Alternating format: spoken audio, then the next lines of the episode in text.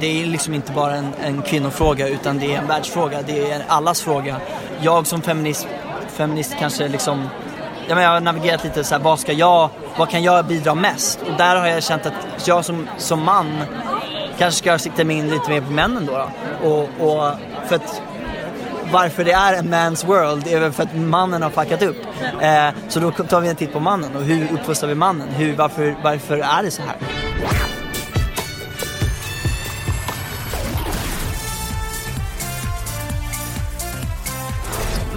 Välkomna till Schlagerfesten och idag inleder vi med ett litet citat utav Felix Sandman och det kan man ju eh, inte undra på ett sätt för att han är ju ändå med i Melodifestivalen 2020 så högst relevant. Men ämnet han berör är ett ämne som vi faktiskt kommer börja beröra i dagens podd. Ja, eh, det, det är ju ett faktum att när det kommer till eh, Melodifestivalen och ja, musiktävlingar i stort så är det en väldigt, väldigt stor manlig övervikt och har blivit de senaste åren och det känns som att det är en utveckling som snarare har eskalerat än någonting annat. Och det är ju lite udda när liksom samhället i stort kanske, ja, möjligen för långsamt men åtminstone snarare går åt andra hållet och vi, liksom, vi blir mer och mer medvetna om eh, jämställdhet och jämställdhetsfrågor så går Melodifestivalen i sina slutresultat åt helt andra hållet. Ja, och även då andra musiktävlingar där man röstar fram en vinnare, där folket är med och bestämmer. Och det är ju det här har ju förstås tagit sin rot i Idol. Eh, inför Idolfinalen nu på fredag så står ju nämligen två killar i final. Så återigen, är vi 100% garanterade att en kille kommer vinna Idol. Och det har ju varit så de senaste fem åren.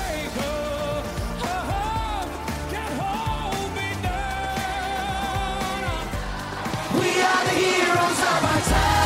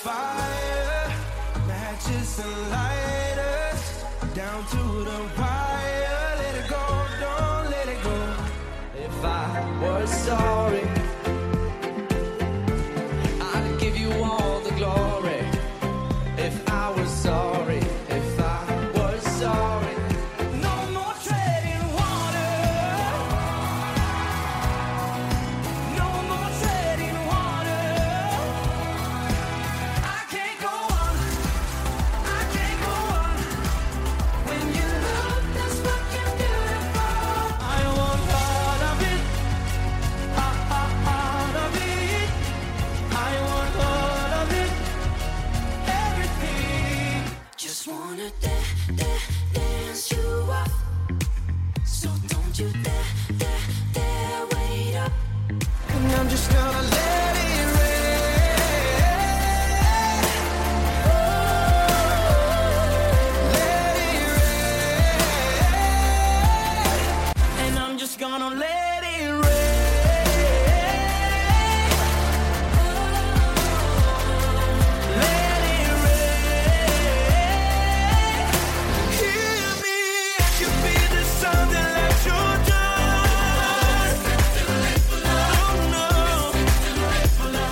var 2014 senast som en tjej vann Idol. Mm, och då var det Lisa Ajax. Ja. Eh, och innan det så var det ganska liksom spritt. Det var 2005 vann ju Agnes, det var redan andra året Idol fanns. 2007 sen så hade vi till och med två tjejer i final. Då var det Amanda Jensen och Marie Picasso som sedan tog hem i hela tjottabrotten. Och så var det då 2011 sen Amanda Fondell som slog ut Robin Stjernberg, min lilla älskling som fick komma tvåa. Eh, och sen dess då, eh, Lisa Ajax när hon vann 2014 ska sägas var också två tjejer i final. Men det är de två enda gångerna som vi har haft två tjejer i Idolfinal. Två killar har vi haft i Idolfinal fyra gånger och en av varje har det varit nio gånger och då kan ni förstå att det också betyder att nio gånger har tjejer kommit tvåa i Idol men bara eh, fyra gånger har de vunnit och det är hela elva killar av 15 Och det är så, lite grann så här, alltså, det, det är klart att för invänd, invändningen är ju alltid men man röstar väl på det man tycker är bäst, man röstar inte på kön. Och det, och det gör man ju såklart inte, men det säger ju någonting, alltså 11-4, Ja. så, så blir det ju inte en, en slumpmässig fördelning, så ser ju inte talangfördelningen ut. Den är ju i rimlighetens namn 50-50. Ja, och i, i år ska väl sägas att absolut tycker jag väl att Tusse och Freddy, som finalisterna heter, var lite bättre än, än Dao rent sångmässigt kanske. Men karismatiskt och liksom, som man förväntar sig av en idol och en popstjärna så är ju Dao eh, det största. Som bo, alltså hon borde nästan ha vunnit. Eh, och det tåls ju att sägas att många av de här idolfinalerna där det har varit kille mot tjej har ju tjejen varit betydligt bättre. Så det kan inte handla om talang. Nej, alltså, jag har inte följt Kolla Idol. Chris Clefford, Hanna Färm. Ja, Alltså, ja. Ja, nej, men så här, jag, jag har inte följt Idol jättenoga den här säsongen. Jag har tittat till det lite då och då. Men förra säsongen följde jag eh, mer noggrant. Och, och där var det ju i, min värld jättetydligt att Kadiatou var ju stjärnan. ja.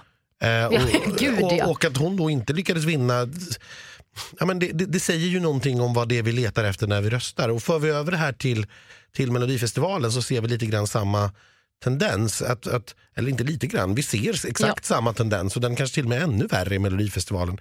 För att från 2014 var senast en tjej vann. Samma år som Idol, det är ju lite intressant. Ja, det verkar nästan som att där kanske någonting hände. Möjligen, vi kan diskutera det vidare sen. Men då vann Sanna Nilsson med Undo.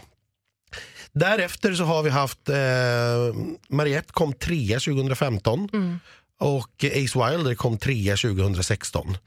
Sen var det bara killar på prispallen 2017 och 2018 fram tills Hanna Färm ihop då med Ja. Liamo lyckades komma trea eh, i år.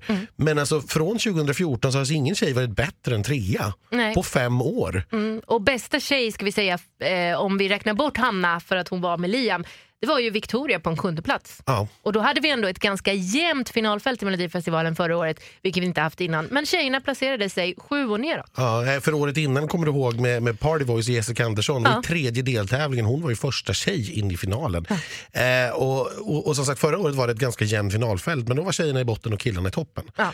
Eh, och det, det här är som sagt, eftersom det är så genomgående år efter år efter år så beror det ju på någonting. Det, här, det är inte slumpmässigt, det är inte så att Eh, vi, vi eh, liksom röstar på, eller så ska jag inte säga heller för att det är ju inte vi som röstar, i alla fall i Idol till exempel. Nej, och, och men, jag kan nog, så här, när vi tittar på Melodifestivalen, för det är ju det jag så, trots allt följer allra mest noggrant. Ja. Eh, och, och där är det ju inte heller så att man sjunger liksom covers, utan det är ju nya låtar och det är helt nya nummer och, och så vidare.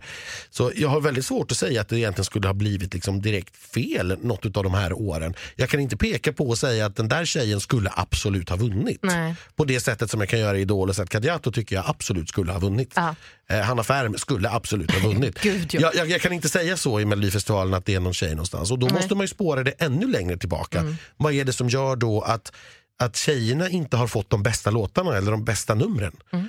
Eh, och då kanske vi kommer tillbaka till Idol att den totala mansdominansen som finns i Idol leder till att skivbolag, låtskrivare, förläggare, alla som är inne i den här svängen kanske mentalt på något vis när de tänker vinnare Mm. ser en kille. Ja, så skulle det absolut kunna vara. Och Det här tycker jag är ett ämne som vi ska följa i Mellopodden i år. Plocka upp lite då och då i våra avsnitt. Träffa eh, skivbolagsmänniskor, träffa kanske någon inom Melodifestivalen eh, och försöka hitta vad det här kan vara. Ja, för vi, må, vi måste nog, som sagt nu har det varit så många år. Vi har gnällt lite om det i den här podden tidigare Mm. också men, men nästan som sagt nu när vi haft fem raka år med bara killar I två av de största musiktävlingsprogrammen.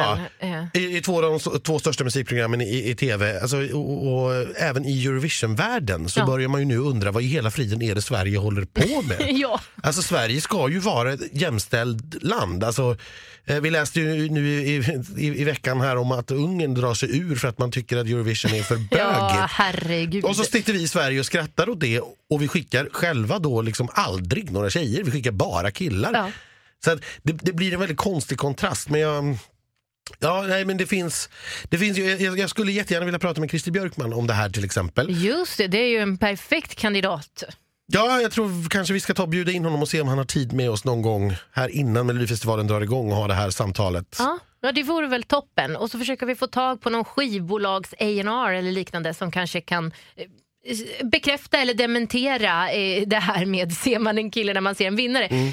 Kommer ju säkert svara nej till en början men att föra en diskussion om det och se hur de tänker. Ja, jag, jag tror det skulle kunna vara intressant. Det här föddes i mig när jag satt och tittade på Idolfinalen, eller Idol-semifinalen igår. Eh, jag blev lite upprörd. Jag, jag brukar inte bli det, men jag blev det. Och då tyckte jag att det var viktigt att ta upp det.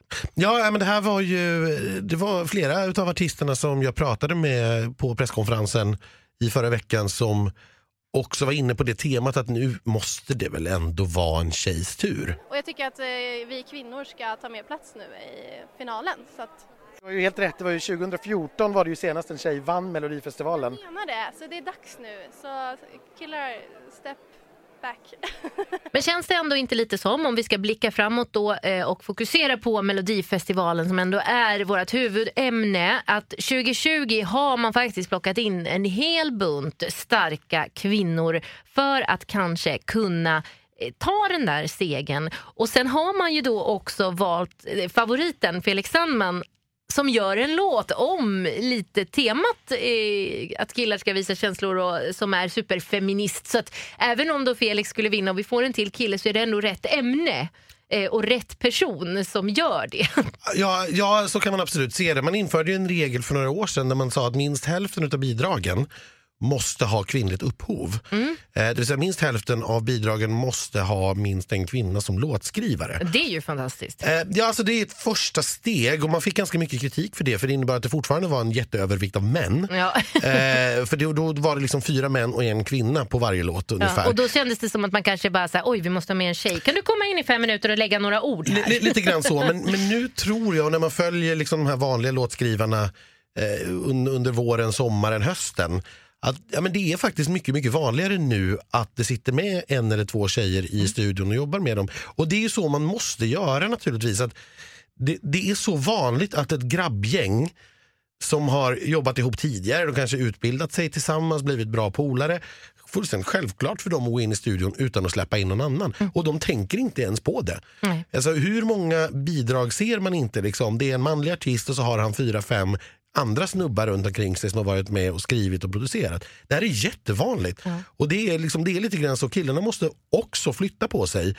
För, ju- och, för, för att begripa att det blir bättre. Ja. Om man, om man liksom stänger ute hälften av låtskrivare och produktionstalanger så kommer ju resultatet bli sämre än vad, det än vad det annars skulle bli. Det är självklart att det är så. Ja, och vi satt ju faktiskt och tittade på en paneldebatt om just det här ämnet när vi var på Way Out West i somras. Eh, Mm, och- ledd av eh, nuvarande eller blivande programledaren Jajamän. Linnea Henriksson. Mm, så det, det, och det var ju just de här sakerna. Att är det kanske inte snubbarnas fel för att de inte släpper in? Ja, Eh, jag och- tror att det är så. Man, man, man, man tänker inte, jag tror inte att man är medvetet liksom sexistisk utan Nej, man, är nej, bara, nej. man tänker inte på det. Nej men för att det är ju som Felix sa i början av inslaget här. Varför är det en man's world? Det är för att mannen har fuckat upp men förmodligen omedvetet. Man är bara man bara kör på. Liksom. Och eh, det här, tänk- när du pratade om det där får mig också tänka på den här skandalen med Molly Sandén att hon blev bestulen sina writing credits eh, på en snubbelåt. Liksom. Ja, och, och det, det finns ju mot, motsatt historia också. En, en, eh, om ni inte har läst Anna-Charlotta Gunnarssons bok eh, eh, om kvinnor i pophistorien så ska ni absolut göra det. Eh, där finns en helt fantastisk historia som är sann. Eh, när Elvis Presley tog kontakt med Dolly Parton och ville sjunga in eh, I will always love you. Och då, då var liksom dealen sån att då skulle också hälften av rättigheterna tillfalla Elvis, för så gjorde han. Det, det vill säga han, han kunde säga att om jag gör den här låten så kommer den att spela in så otroligt mycket pengar att det ändå blir mer pengar till dig än vad det annars hade blivit. Så därför ska jag ha halva rättigheterna. Och Dolly sa nej. Snyggt! Så han spelade aldrig in den eh, och sen gjorde ju Whitney Houston den istället några år senare. Och jag tror att Dolly tjänade ganska mycket pengar Hon på den ändå. har tjänat tillräckligt med pengar på den. Men vore det inte intressant att kanske bjuda in Anna-Charlotta också då i den här panelen? Vi pratar debatten? väl jättegärna med Anna-Charlotta, alltid. Ja, och speciellt på det här ämnet är ju hon lite av en expert. Det finns få som kan det där bättre. Ja, Kul, vad roligt. Nu har vi blivit lite sådär härligt peppade tycker jag. Ja, men eh, alltså, det, det finns en allvarlig sida. Melodifestivalen är en, en, en... Gud vad jag kommer att låta pretentiös.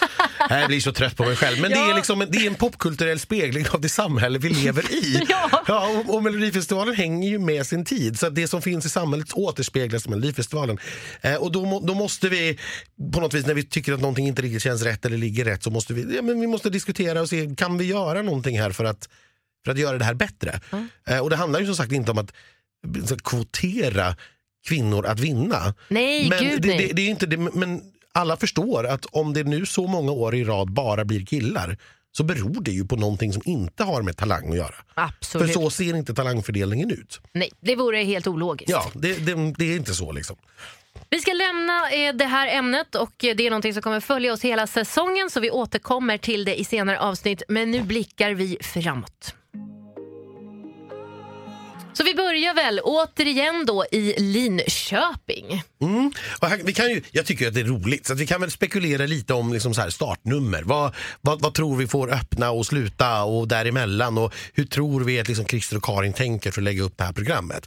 Jag, jag, jag börjar då. Eh, jag har hört flera eh, schlagerprofiler och schlagerjournalister som har skrivit likadant. Men The Mamas lär ju öppna för att knyta ihop säcken på något sätt. Det är ju en väldigt snygg öppning att förra årets vinnare på något vis får börja eh, nästa år i en Ja, men i, en I en ny form. Jag tror också att det, det är svårt att motstå den saken. Ja. I synnerhet om det är liksom lite svängigt, det är lite... mm, Ja, vad ska jag säga? Det, om det kanske blir liksom lite dyrt och lite påkostat. Där. En, en snygg start helt enkelt. Ja. Jag tror att det blir svårt att motstå. Men det tror jag också. Och, så den känns eh, som att vi spikar. Eh, och sen tror jag att vi kan spika att Felix kommer vara sist i deltävlingen. Ja, det är ju den stora favoriten. Eh, så att så borde det vara. Eh, får start nummer sju.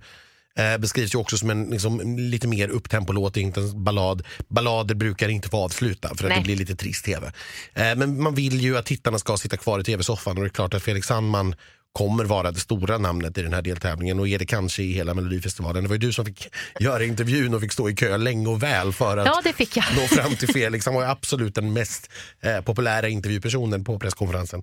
Ja, ska vi lyssna lite mer på vad Felix sa? Vi ställde ju frågan eh, till alla eh, varför de är med. Eh, och också vilka de tror är deras största konkurrent redan i det här tidiga skedet. Det som fick mig att komma tillbaka var att jag hade en, en till fet låt. Som jag kände så här, och det, det är inte så att jag, jag inte haft feta låtar sen Every Single Day. Men jag kände att så här, det var en bra timing nu. Jag hade skrivit den här låten i LA eh, med mina kära låtskrivare som jag har skrivit mycket med. Eh, och ehm, jag tyckte den var fet, jag ville släppa den som singel. Det var mellotider och jag kände så här, ja men fett. Jag har också ställe i min karriär där jag känner att, att nu skulle det verkligen vara perfekt att köra mello och försöka nå ut till så många som möjligt och ehm, ja, få, få ännu mer bollar i rullning än vad jag redan har liksom. Känner du dig lite pressad nu när det gick, alltså så här att nu måste jag vinna för jag kan inte komma tvåa och sen Nej. femma, jag Nej. måste bli bättre. Det, det, det, alltså Egentligen inte, men det är klart att sen när man går in i det, det är tävling och jag älskar ju inte att det är tävling, men det är tävling och, och, och så och då, och då får man ju lite så här, får man ju tävlingsanda liksom. Um, så det är klart att uh, man skulle vilja komma först. Um, för då, då kan jag nå ut till ännu mer människor i Eurovision. Så att, uh, det hade varit kul, men det, det, jag försöker inte tänka på pressen eh, så mycket. Och jag tycker nu också känner man inte så mycket. Sen när man börjar komma in i det, jag menar det är ändå tre månader kvar typ. Sen när man börjar komma in i det och det är liksom man står där och det är röstningsgrej, då känner man nog jävla press. Och eh, vem tror du är din största konkurrent? Jag vet inte, en alltså- eventuell vinst. Jag vet, jag har inte ens, liksom, man har inte greppat alla som är med än. Men eh, ehm, jag vet faktiskt inte. För jag, tror, jag tycker allting handlar om, om vad, vad alla har för låt. Jag tycker att när jag hör allas låtar så kommer jag absolut känna så här: okej den låten, det är liksom den största, största enemyn liksom. Eh, Även The Mamas pratade jag ju faktiskt lite mer med och de är ju så otroligt härliga och glada att ha att göra med. Så jag hoppas att de verkligen tar med sig den här energin. Eh, Så här var deras svar på samma frågor. I think it was a no-brainer. we just had to. We love this We competition. had to move in this direction. Exactly. Yeah. Yes. There was no doubt in any of you. No, not really. It happened organically, but there was never a doubt that we wouldn't. I mean, when it came up, it was like, of course we'd love to. Yeah. We have to. Like, Like, if we get a good song. Yeah. And we have a kick ass song.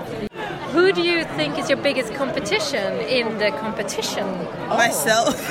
Yeah. Me, myself, and I. Yeah. Yeah. I don't think I think this is a competition and uh, the pressure is on, but I think that as we as long as we do our best, um, the idea that it is a competition kind of goes out of the window. Yeah. So Plus, there's so many different people and Yeah. so many different genres, so it's hard to compete. compare. Yeah, it's like you just want to hear and want to enjoy the music Yeah. because I think when you for- when you are the artist, you sometimes forget or people sometimes forget that you're actually fans of music. Yeah. so like we actually want to hear what everybody is doing.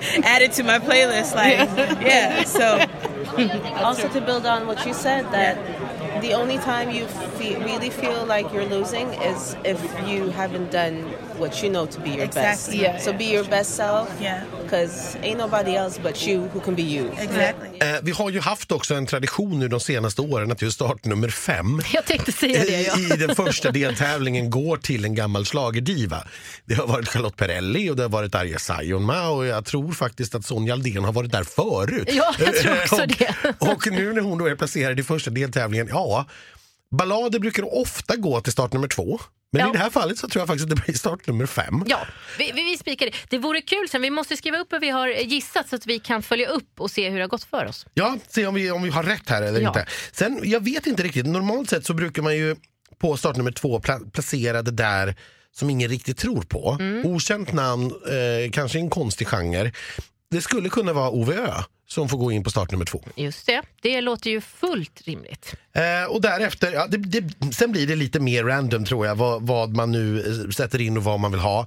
Jag skulle kunna tänka mig att Robin får nummer sex. Det är ändå en återkommande vinnare, att man vill spara honom mot slutet. Man vill liksom inte bränna av det från början. Exakt, och det är också någonting som folk ser fram emot. Eh, jag är lite tveksam dock. Eh, för vill man verkligen ha Robin och Felix efter varandra? Nej, det kan ju vara så eh, att, det, eftersom vi inte hörde, Fyra, tror jag. Eftersom vi inte hört låtarna här heller, så man vill ju inte ha två ner, alltså ner eller midtempo-låtar eller två upptempo-låtar. Man vill ju blanda olika Precis. stilar och genrer. Så du kan absolut ha rätt i det. Vi ska ha in Malou Prytz här någonstans också.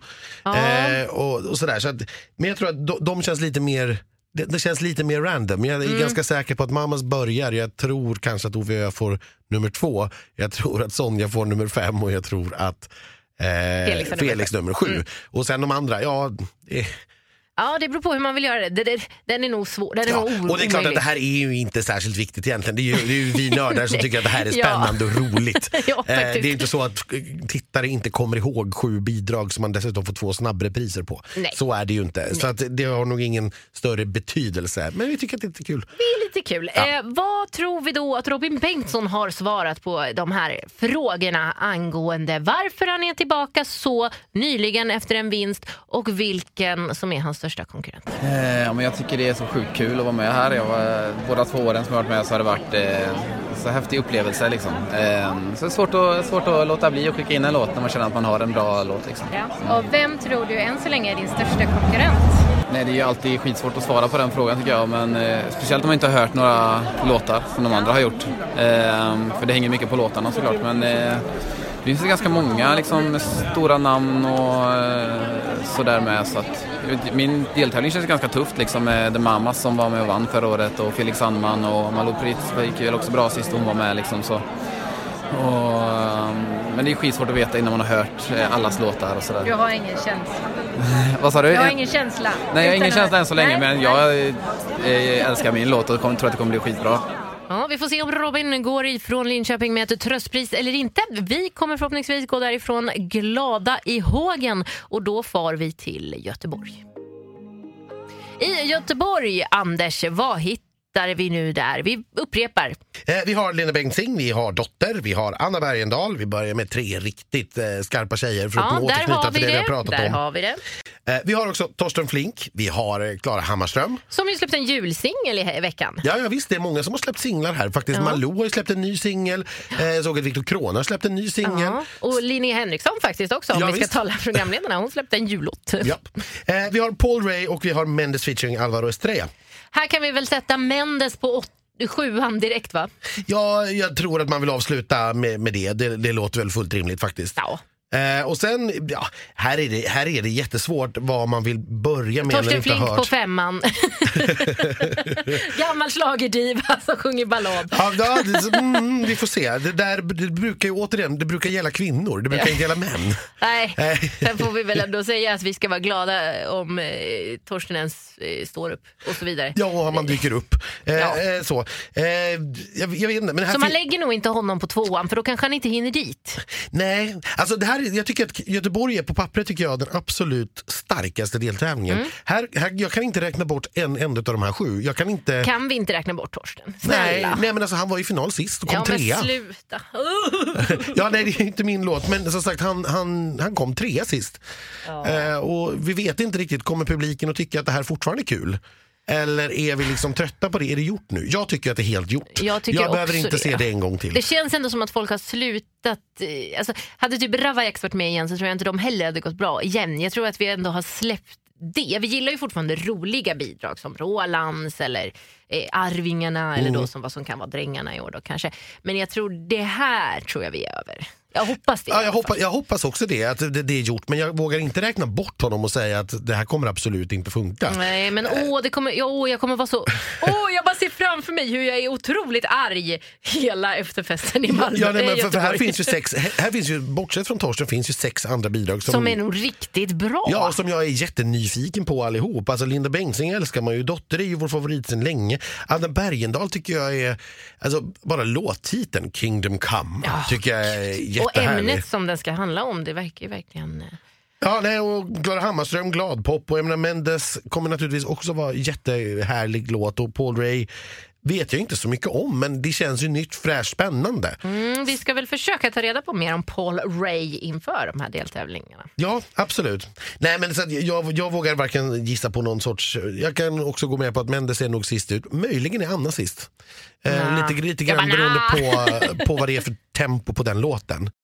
Jag var ju lite grann, som vi sa i förra eh, programmet också, lite förvånad över att Anna ställde upp så här snabbt igen. Och jag tänkte att det, det kan ju inte ha varit ett självklart beslut att göra det, så jag frågade henne.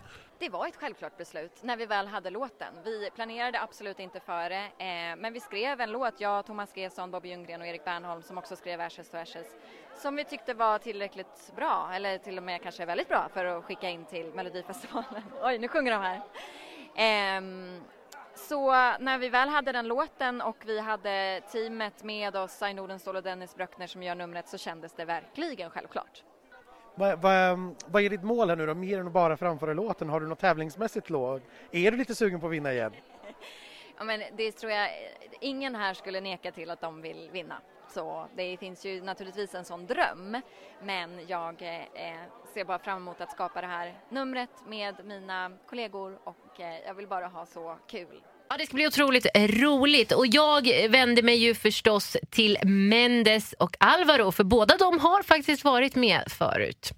Det är en otroligt eh, glad nyhet och en grym överraskning för mig att få vara med ännu en gång. Det är min fjärde gång. Ja, precis. Så att jag, jag tror att det är en stor ära för mig. Jag vet vad den här resan innebär och det är så mycket skratt, så mycket roligt man har här. Jag brukar alltid säga jag önskar att varenda artist kunde få chansen att få vara med på den här resan för jag tycker den är så grym. Bra för dig som artist och som person. Man träffar så många bra människor som, ja men du vet, man lär sig mycket som artist. Eh, och som människa som jag älskar att göra, det är att skratta. Jag, jag gillar att ha kul och här har man verkligen kul. Och nu ska jag dela scenen med Alvaro som du sa, han har ju varit med tidigare. Ja, Ja. vad fick dig att återvända då? Var det... Det, var, alltså det är en stor del Mendes. Jag växte upp med hans musik och han är en stor del av min, upp, alltså min, eh, under, ja, det jag växte upp med. Han är, och jag sa det till dig innan att jag, han var den största, eller han är den första latinamerikanska artisten som ändå har lyckats i Sverige. Och när man ser en sån person när man är ung och försöker nå sina drömmar så man blir paff. Så för mig är det en stor grej att bara stå och dela scen med honom. Eftersom han har verkligen öppnat vägar för många latinamerikaner i Sverige och ja, runt om i Skandinavien. Så det, för mig är det bara en fri, ren fröjd. Jag tror att det, vi, vi är våra, våra egna största konkurrenter i så fall. Men det, det är en tävling, man vill vinna, man vill gå vidare såklart. Men eh, så länge vi koncentrerar på oss tror jag, så har i alla fall då jag har varit med, så, så länge jag koncentrerar på mig så har det funkat. Men eh, man har varit i två stycken finaler. Jag menar, det är inte små potatis för mig i alla fall. Så, och det har funkat, så jag tror att vi, vi, Jag vi tror det är exakt. Det, det, Det är lite oss som, bara. Ha kul. som eh, Mendes säger, att, att vi måste hitta en vibe tillsammans som jag vet att vi kommer hitta. Och sen, En bomb ska en vi- bomb ska vi hitta. De är en musikbomb alltså. Eh, Dotter är ju också en artist som var glasklar när hon tävlade sist då för två år sedan att hon aldrig någonsin skulle stå på scenen själv igen. Nej, Eh, verkligen inte, för hon var ju otroligt upprörd. Ja, och, och ledsen och besviken och såklart. Eh, eftersom hon var ju så upphaussad under veckan och det är klart att även om man försöker skärma av så går inte det. Man nås av de här nyheterna ändå. Hon var ju oddsfavorit faktiskt där. och Gud, jag vinner hela Mello, Eh, och sen åker då rakt ut. Eh, Ja. och det, det är inte så kul. Så att jag var ju naturligtvis tvungen att fråga henne vad i hela friden hon gör här nu igen. Jag har glömt bort och förlåtit. Nej jag skojar. Nej men jag känner att det är ett nytt år och nya, men det är kul att göra det här helt enkelt. Jag saknar det lite grann. Så, Och du gick ju till final som låtskrivare förra året. ja precis. Så ja. När du tittar runt här nu då och ser 27 andra artister, vem är du tävlingsmässigt mest rädd för? Oj, alltså den där stjärnan där borta som står och posar. Och då är det, nu ska vi se, är det, är det Mariette du tittar på? Ja. Hon är alltid eh, en, vad ska man säga, konkurrent. Hon är en jättefin vän, alltså, men hon är ju fett grym och jag tycker hon förtjänar att vinna Mello någon gång i sitt liv. Det är fint att Dotter har förlåtit. Jag har inte riktigt gjort det ännu. Ska jag säga. inte jag heller, jag har gråtit och gråtit. Då ska vi packa väskorna och åka till Luleå. Ja, här kommer det bli kyligt. Vi kommer att ta det coolt i Luleå. Det Eh, kommer, det kommer vi inte göra. Jag kommer vecka tre vara otroligt pepp på att vara på detta kollo som Melodifestivalturnén ändå känns som. Eh, tråkig deltävling dock så här inför i min mening. Så ja, Ja, på pappret känns det här nog kanske som det svagaste eh, fältet. Här finns inte kanske riktigt de där kanonerna som, som finns i de andra. Så vi har ändå, får man ju säga, eh, både Mariette och Mohombi. ja, det är ju för sig trevligt. Som är, som är jättebra namn, men, men jag vet inte om någon av dem kanske är någon av de starkare vinnarkandidaterna i slutändan. Kanske i och för sig måste räkna dem dit. Sen har vi också uh, Anis Don Demina då. Vi har drängarna Albin Jonsén, Amanda Åsa och, eller Amanda, Asa heter hon, och Faith Kakembo. Så att vi har ju två stycken P4 nästa deltagare.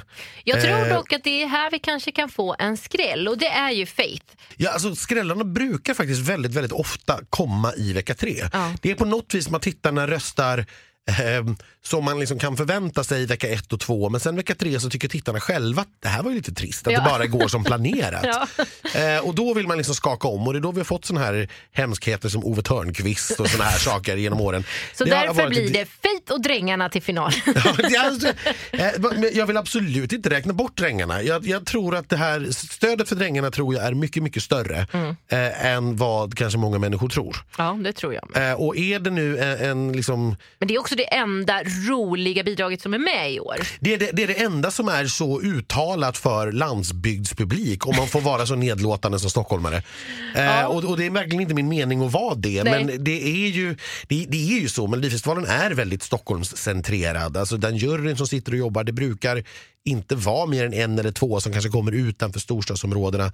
Och sen sitter ju alla skivbolag och förlag och så vidare. De sitter i Stockholm, några möjligen i, i Göteborg. Men, men annars så är det väldigt storstadscentrerat. Och då innebär det att artister och akter som är sto, stora och större ute på landsbygden som liksom gör jättemånga spelningar per år och har fullt hus på de spelningarna de är liksom ganska ovetande om här i Stockholm. Det är inte bara Drängarna, vi har Emil Assergård i den, vi har Eva Eastwood och det finns ännu fler i, som liksom de har ett stort stöd. Det finns en väldigt stor diskrepans här och Ja. det här är det enda som den publiken får i år. Mm. Och då är det ju en ja, risk eller chans beroende på hur man Ja, se det. ja, det beror på att, hur bra att den de är. skräller sig vidare. Ja.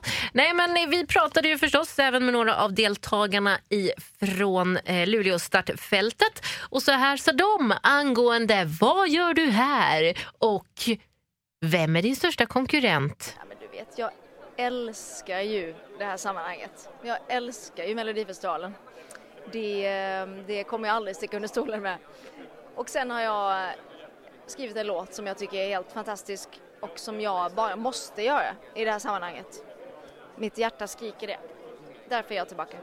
Ehm, när du ser dig runt omkring här nu då, för nu är du ju så här inbiten gammal tävlingsräv i de här sammanhangen. När du ser de 27 andra akterna här, vad blir du mest nervös för? Vad blir du mest liksom, när din Nancy Kerrigan liksom?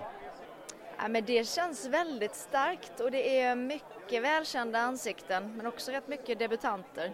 Det enda jag kan säga är att det blir en farlig tävling. Roligt att Mariette också älskar Melodifestivalen och att hon nu verkligen vågar säga det så Ja. rakt öppet. Men det är ju inte heller så konstigt. Nu har hon ju varit med, det här är fjärde gången va?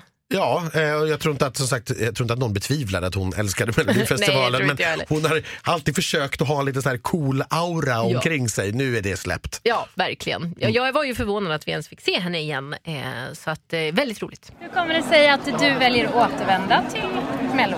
Jag har turnéstopp och behövde något att göra på vintern. Och vi har en jävligt bra låt eh, som det ska bli jävligt kul att framföra. Vem tror du är din största konkurrent, bara så här rakt av? Eh, jag själv. Du själv? Jag har, allt jag har tagit mig an i mitt liv har jag alltid konkurrerat med mig själv och se till att vara den bästa versionen av mig själv istället för bättre än någon annan. Ja. Och jag tror det är det bästa sättet att se på det. Sen så är inte jag, jätte, jag har inte tänkt så jättemycket på att ha det i en tävling utan mer på att bara göra väl så bra ifrån mig jag kan så att jag kan titta tillbaka på det om tio år och bara fy fan fett det där. Mohombi, det här blir ju andra året nu. Yes, andra året på raken här. Vad är det som får dig att göra det igen? Ah, det var ju eh, väldigt roligt sist. Och så tänkte jag för mig själv, det här måste jag väl göra igen någon gång. Vem tror du är din största konkurrent? Det, det, det, jag kommer nog kunna veta det bättre när jag får höra på musiken. Det är ju en svår fråga det här med konkurrenten i det här tidiga skedet. Såklart. Tycker de, alltså vi har ju lättare, för vi kommer ju utifrån och har lite mer kanske koll än vad de har trots allt på vad som kan väntas och vågar framförallt säga det. Jag tror många av dem kanske inte riktigt vågar heller. Nej, det är klart att man vill inte liksom, eh, dissa sina kollegor på det sättet. Och det är väl, Eller det är väl, gissa blir det ju, för man pratar ju om vem som ska Ja. slå ut den. Men Jo, man men- vill väl inte heller sätta sig... Man vill ju, man vill ju vara ödmjuk. Ja, och, och, det, och det är ju då liksom alla såklart. Mm. Eh, så det, det är väl hedervärt kanske. Eh, och, och det är självklart så att det är låtarna som kommer i slutändan att avgöra. Det, jag menar, ett starkt namn, ja, det är trots allt bara ett starkt namn. Eh, sen brukar ju det där hänga ihop, att starka namn får ju bra låtar. Mm. Eller ser till att ställa upp med bra låtar medan kanske mer okända namn är glada för att få vara med om man får uttrycka sig så. Att få Ja. chansen att, att, att visa upp sig. Ja. Men trots att det här är en svår fråga så tog vi ju med den även in i startfältet för deltävling 4 i Malmö. Och där frågade vi vilka, Anders? Eh, vi pratade lite grann med Hanna såklart, vi pratade lite grann med Jakob Karlberg eh, och vi pratade lite grann med Viktor Krone. Men de ska ju tävla mot Nanne Grönvall, William Strid, eh, Ellen Benediktsson och Simon Peiron i duett och Frida Örn. Just det. Och här kan vi ju då sätta startplats nummer sju, den så kallade pimpslotten på Hanna Färm utan tvekan va? Ja, det, det, det måste vara så. Alltså, Hanna Färm är den eh, personen, eller det är den stora favoriten i det här fallet som man vill spara på. Det kunde ha varit Felix, man kunde ha bytt plats på Hanna och Felix. Eh, men då har ju Christian och Karin naturligtvis, då, de vet ju hur låtarna låter Ja. och bestämt att det här är, är bättre tv. Det kan också handla om könsfördelning eller sådana saker i respektive deltävling som gör att det blev på det här viset.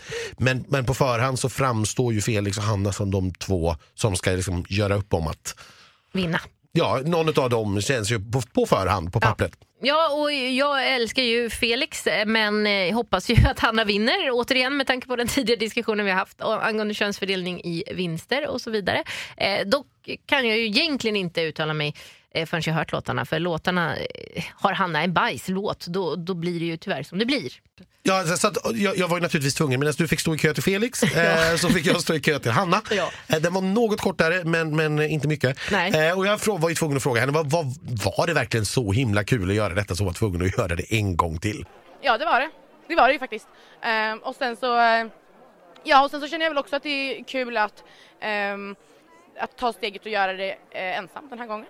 Ehm, för att, alltså det är väldigt roligt att göra det med någon annan också, men det blir en helt annan grej nu för det är mycket mer, eh, tempot är högre, eh, budskapet är helt annorlunda. Ehm, så det är kul att göra samma grej fast annorlunda helt enkelt. Ja, berätta om låten. Eh, 16 maj.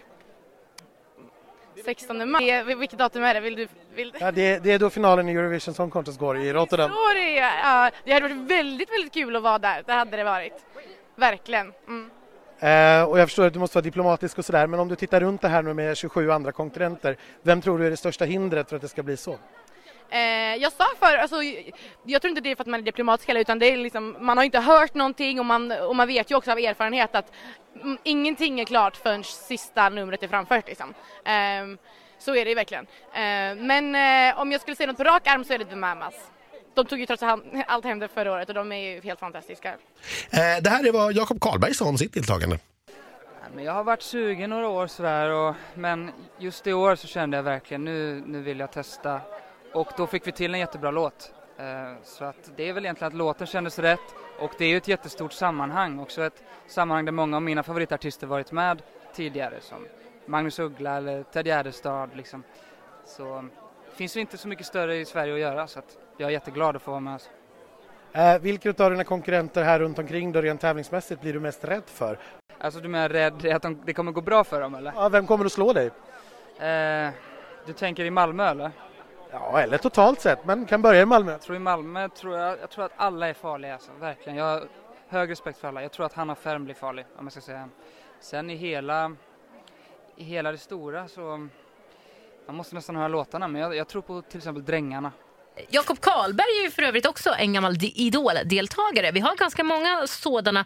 Det känns ju också lite eh, halvtråkigt på ett sätt. Men Det är ganska så här, från Idol till Mello. Ja, det är, det är karriärstegen liksom. Eh, men Sen det- kan man väl säga känns- att ingen kommer väl ihåg att Jakob var med i Idol kanske? Nej, knappast. Men det är därför jag nämner det. Amanda Asa eh, har ju också varit med i Idol. Ja, det är ju ingen som kommer ihåg. Nej, men jag men misstänker att det kan vara anledningen till att man har helt plötsligt slängt in mellotema i Idol eh, kvalveckorna. Det hade man ju inte tidigare år utan det började man med typ vid 2016 någon gång. Ja, man var väldigt man var tvärtom väldigt tydlig med att det här är absolut inte Melodifestivalen och Nej. våra artister ska absolut inte vara med i Melodifestivalen. Det minns vi ju från när Nicky Amini sa det om Liam. Precis, och, och det har ju varit attityden liksom, Ja. att det här, det här är trams, det där är töntigt, det är ingenting som våra idoler. Men sen märkte man väl naturligtvis att det var ju där idolerna hamnade. De som lyckades och kom någonstans, de gick ju via Melodifestivalen. Ja. Det är ju mycket få idoler som har lyckats utan Melodifestivalen. Ja men så är det ju och man plockade ju till och med in Fredrik Kempe som jury ett år och i år gästade ju till och med Christer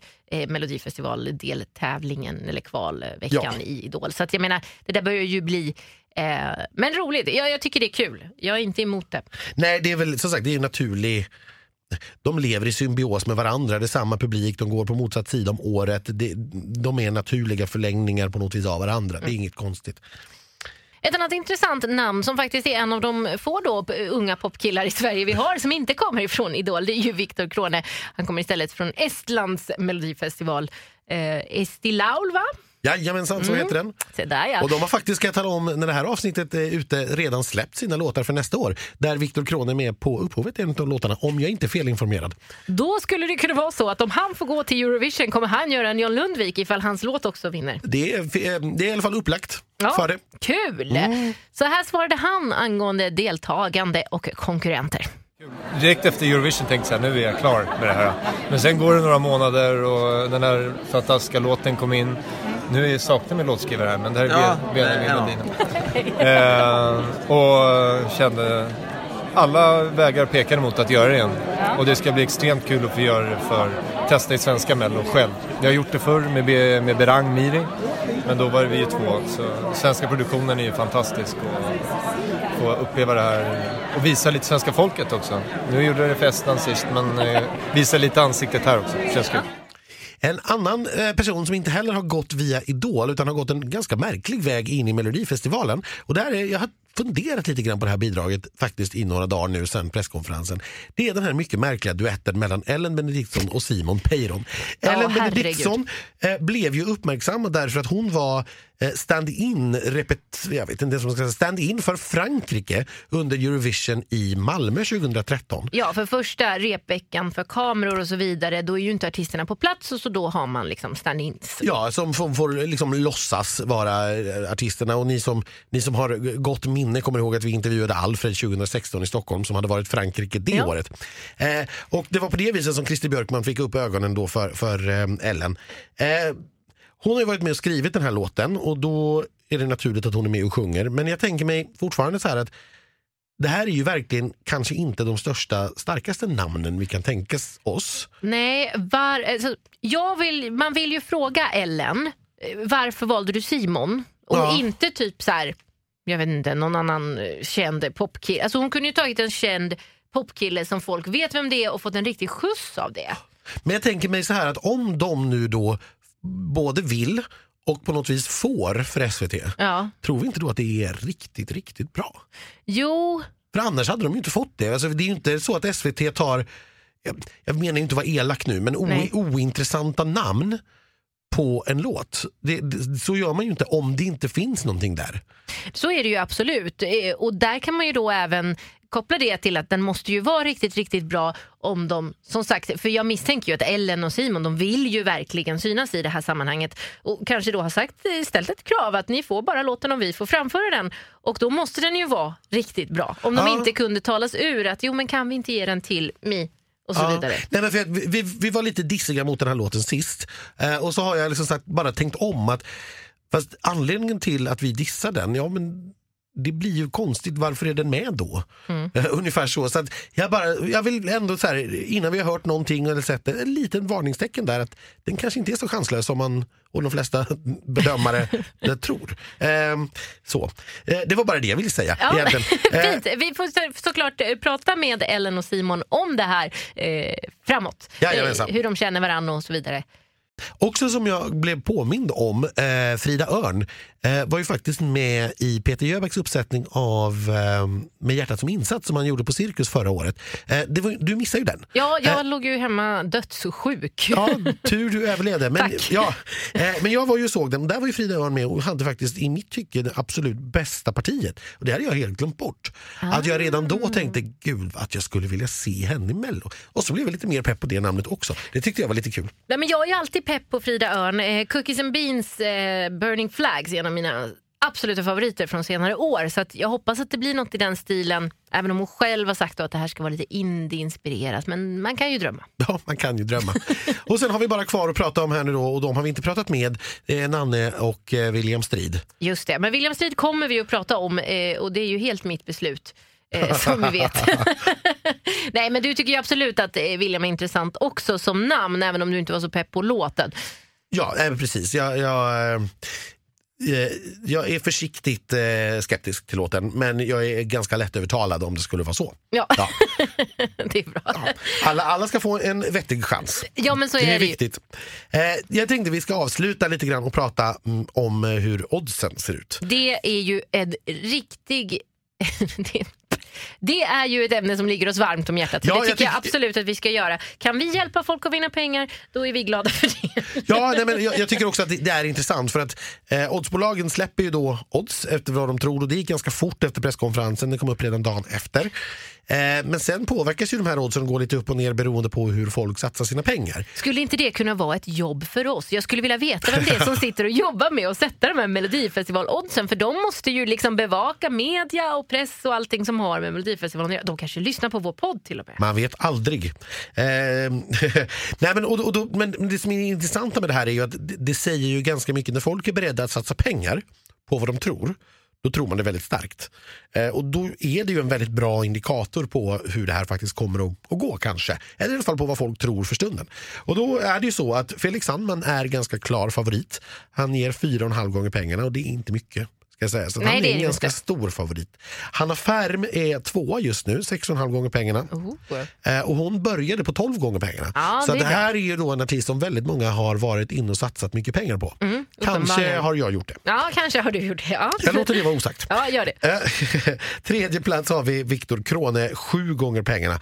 Eh, han var tidigare faktiskt, när oddsen kom, jämbördig eh, så säga, favorit med Felix. Så att han har sjunkit lite i oddsen. Ja, undrar vad det beror på då. Det är för helt enkelt så att färre har spelat på honom versus de andra. Än på Hanna. Det Vem ska, jag, eh, vem ska jag satsa på om jag vill vinna riktigt mycket pengar då? Eh, Om du vill vinna riktigt, riktigt mycket pengar, då ska du satsa på Drängarna. Ja. De ligger sist på listan och ger i skrivande stund, eller i talande stund, 200 gånger pengarna. Ja, okej. Men då ska de ju också vinna. Jo, jo, men å andra sidan räcker det ju faktiskt att satsa ganska lite för att vinna pengar då. Ja, 200 gånger pengarna blir ju ganska mycket pengar väldigt fort. Ja, jag Ja. menar det. Så att det, man kanske ska ta den chansen. Ja, det får var och en bestämma helt Eller själva. risken egen kanske ekonomi. snarare. Eh, ja, nej, men jag tycker att det här det, det är en liten intressant, alltså att det vi pratar om då, att, eh, att Felix och Hanna är de två stora favoriterna, ja men det återspeglas i oddsen, det är inte bara vi som tycker det, det är många som tycker det, eller tror det rättare sagt. Eh, där bakom sen kommer då som sagt Viktor Krone, Robin Bengtsson, Mohombi, Mariette, Anna Bergendahl, Mendes och The Mamas. Eh, så att det, det är liksom de vi skulle kunna förvänta oss Eh, så som det ser ut nu på pappret, går till final och får de högre placeringarna. Det känns ju lite som att de där stämmer ju oftast. De hade fel om Dotter eh, till exempel. Ja. Eh, men i övrigt så brukar oddsen ändå ge en ganska bra eh, indikation på hur det kommer att bli. De har betydligt oftare rätt än fel, så kan vi ju säga. Det är Ja. väldigt sällan det blir men däremot kan ju naturligtvis också oddsen ändras eh, Gud, väldigt ja. snabbt. Under- och, och, och, och det är naturligtvis så, det är mycket som ska hända nu. Herregud, de flesta numren är ju inte ens klara. Eh, folk vet inte ens hur de ska se ut eller göra på scenen. Eh, och sen ska det dessutom då liksom repas in och det ska sjungas live. Och, alltså det ska ju hända så mycket. Men vi tycker ju att det här är så roligt. Ja. Och vi är ju så liksom eager att börja. Så att därför sitter vi och diskuterar det här. Vi har ju också haft en skräll åt andra hållet. En kille som gav väldigt mycket gånger pengarna ända fram till genrepet på fredagskvällen. Det var ju Frans med uh, Sorry. Ja, och faktiskt även Robin Bengtsson vet jag gav åtta gånger pengarna när vi var framme precis från före finalen. Du och var ser. inte mer än fjärde eller femte hans favorit där. Jag tänkte Eh, säga, det året var ju dock sjukt svårt att veta vem som skulle vinna. Ja, det fanns liksom ingen tydlig vinnare inför finalen. Nej, och det var också som sagt, så då blev ju tittarnas tre som vann till Ja. slut eh, med, med Robin. Så att, Hemskt tråkigt år, förlåt. Eh. alltså just ur det, alltså det var ett bra år men ur den eh, synvinkeln så vart ju det ett tråkigt år eh, för tittarna i alla fall. ja, det, blev det effekt, det blev ju effekten av att folk eh, röstade på allt i Mm. appen och då, då blir det ju ingen spridning. Nej. Det har man ju åtgärdat nu då i alla fall delvis.